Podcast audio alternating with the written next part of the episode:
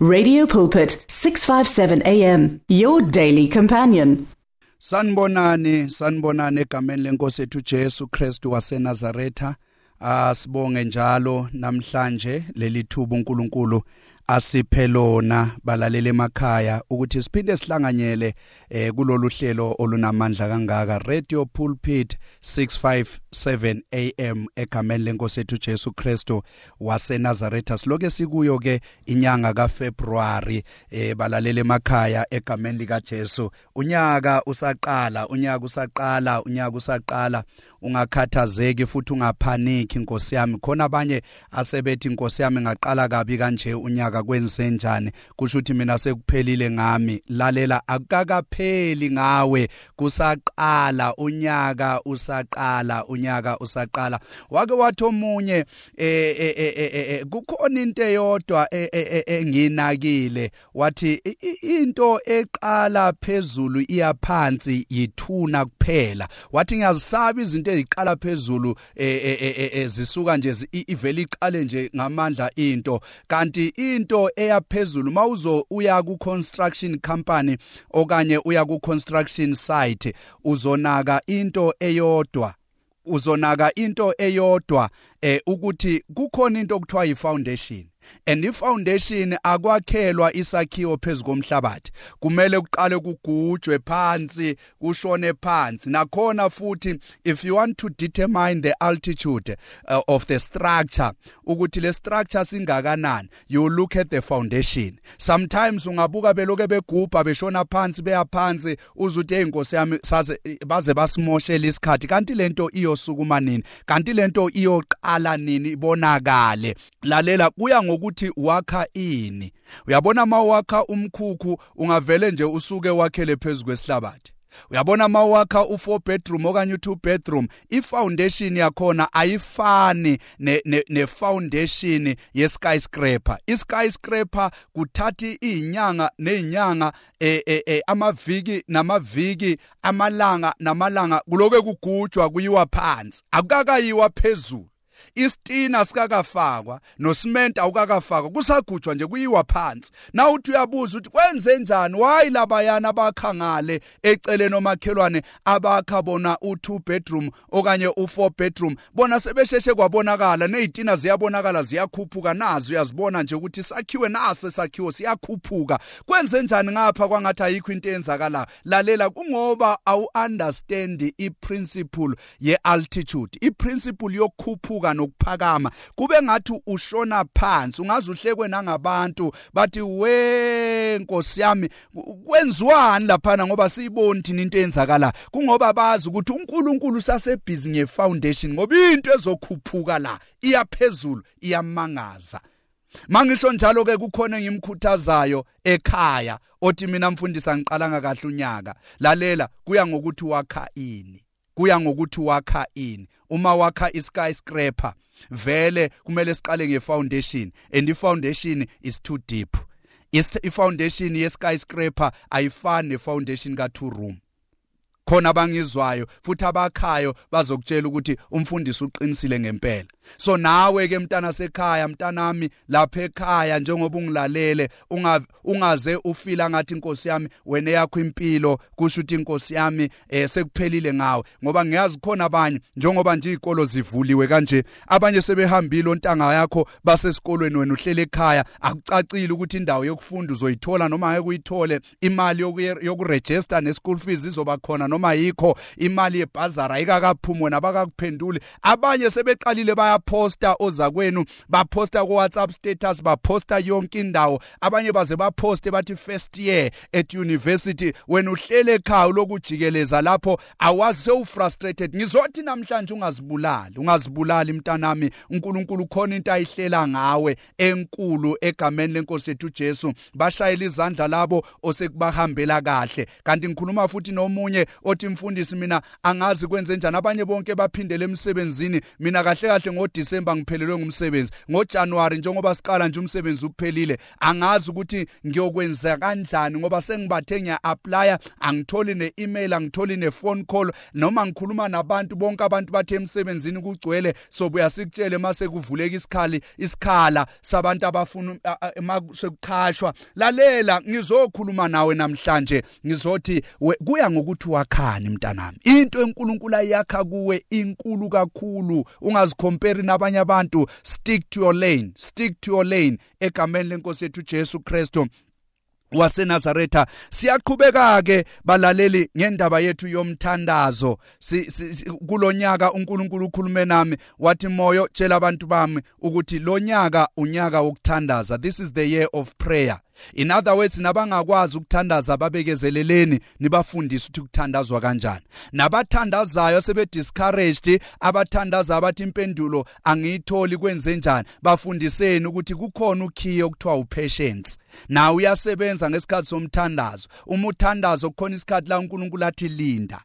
Manje isizukulwane esishumayela kuso isizukulwane sika microwave esingafuni ukulinda. Siyaduba siduba nesonto siduba umfundisi siduba uNkulunkulu siduba kwasana ngoba ayikho into eyenzakalayo. Umuntu acasuka azacasukele ngisho nabazalwane. Kuba ngathi abazalwane yibona benza ukuthi impilo yakhe ibe stuck. Kanti akuyona into nokuthi mina mangifundisa ke bazalwane balalela emakhaya akusona sonke isikhathi la impilo yakho ma stagnant or stuckile e, e, ozocabanga ukuthi ngamademon khona. Sometimes it's not demons. No uNkulunkulu uNkulunkulu uyakwazi ukusibamba isibeletho hana. uNkulunkulu uyakwazi ukusivala isibeletho. uNkulunkulu uNkulunkulu khona iminyango akuvalela yona angafuni ungene kuyo ngoba esazi ukuthi umunga wangena okungale kwalomnyango ngeke ukuthande. Ngwena futhi ozobe usuguqile uthandaza uzila ukudla ucast ubind uthi inkosi uvume kanjani lo mnyango wawuvula wawuvula ngangena. Kanti ubusazi ukuthi okungale komnyango ngeke uhambisane nomoya wami nomphefumulo wami nenjabulo yami.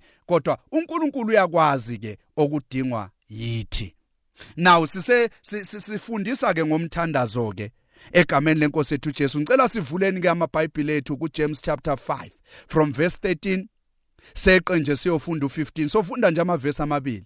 James chapter 5 verse 13 and verse 15 egameni lenkosi ethu Jesu Kristo waseNazaretha. James chapter 5 verse 13 and verse 15. Now lithi iBhayibheli kukhona yini ohluphekile phakathi kwenu na? Mm. kubuza uNkulunkulu uthi kukhona yini ohluphekayo phakathi kwenu na? Umbuzo umile omunye nomunye ongilalele manje ubuka isimo sakho nawe. Ukhona ohluphekayo phakathi kwenu? Lithi iBhayibheli makakhuleke. Nguverse 13 njalo lo. Kukhona owenamileyo na? Makahube.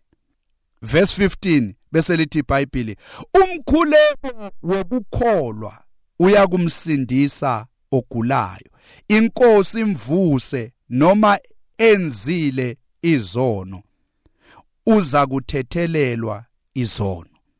Ake ngiphinde nje bese ngiyagijima siyayivala indaba yethu siyayigoqa. Lithi iBhayibheli kukhona ohluphekayo phakathi kwenu na? Impendulo ithi uma ngabe ukhona makakhuleke. Kukhona owenamileyo na? Ithi impendulo makahube. Bese uverse 15 uthi umkhule uya kumsindisa ogulayo.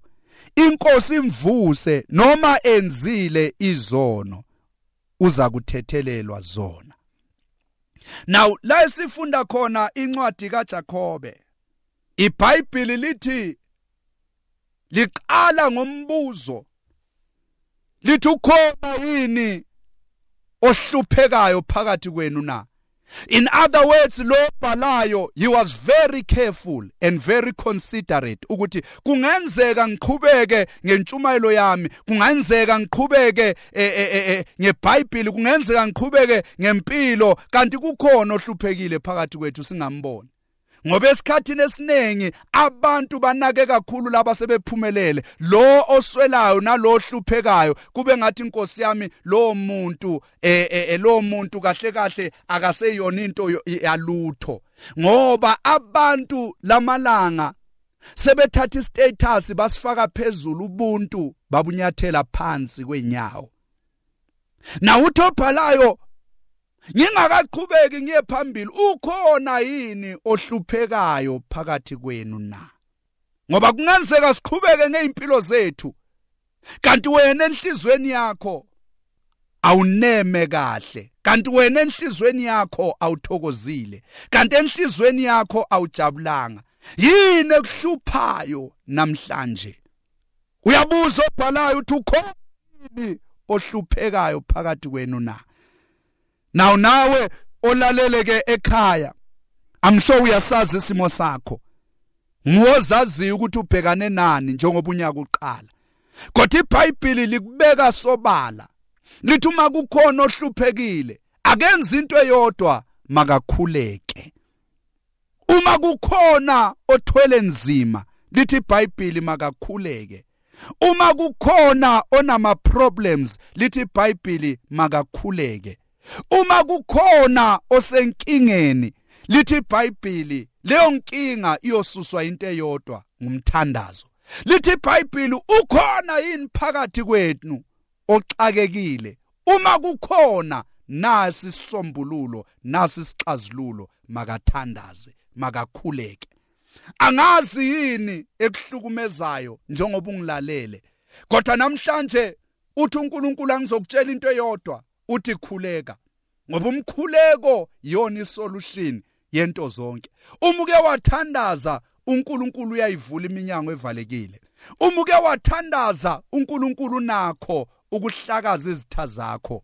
Uma uke wathandaza uNkulunkulu unamandla okukhulula labe kubophe khona. uNkulu umuke wathandaza uNkulunkulu unamandla okuya kuleso siduli labavalele khona igama lakho. Hayi man umuke wathandaza uNkulunkulu unamandla okungena phakathi emanzini labefase khona ingidi bayifasa ngegama lakho. uNkulunkulu unamandla wokungenelela umuke wathandaza. Ukhona yini?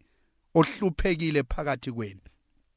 Lithi iBhayibheli loyo muntu akakhuleke angavilaphi ngoba umthandazo awukho lula abantu bayawuvila phela. Hey ungavilapheli into ekusizayo empilweni. Ukhona yini ohluphekile?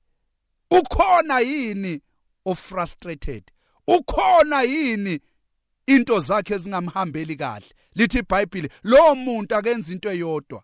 Akayeke ukulokayotshela abantu indaba zakhe ngoba kukhona abantu abathembile wabatshela ngokuhlupheka kwakho bathatha ukuhlupheka kwakho bakugcwalisa istrati sonke. Kumanje noma uhamba wena wena wazi ukuthi kahle kahle ebantwini emphakathini unqunu wena. Noma ugqokile kodwa unqunu abantu bayakwazela indaba zakho ngoba uhambe watshela abantu abarong indaba zakho. Khona into engiyifundile mina uNkulunkulu angifundise yona ngomuntu. Lalela ngisho noma ubabone esontweni ungabathembi ngeindaba zakho.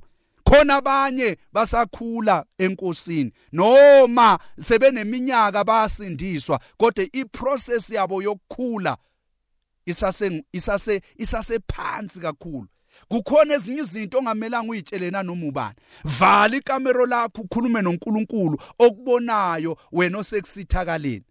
Vala ikamero lakho ukhulume no lithi iBhayibheli uma kukhona ohluphekayo akathandaze. Yebazalwane mawukhuleka ukhuluma nomuntu ukhuluma noNkulunkulu. Zifundise ukuthi kukhona ezinye izinto ongeke uzitshele nanoma ubani akuzitshele kuNkulunkulu.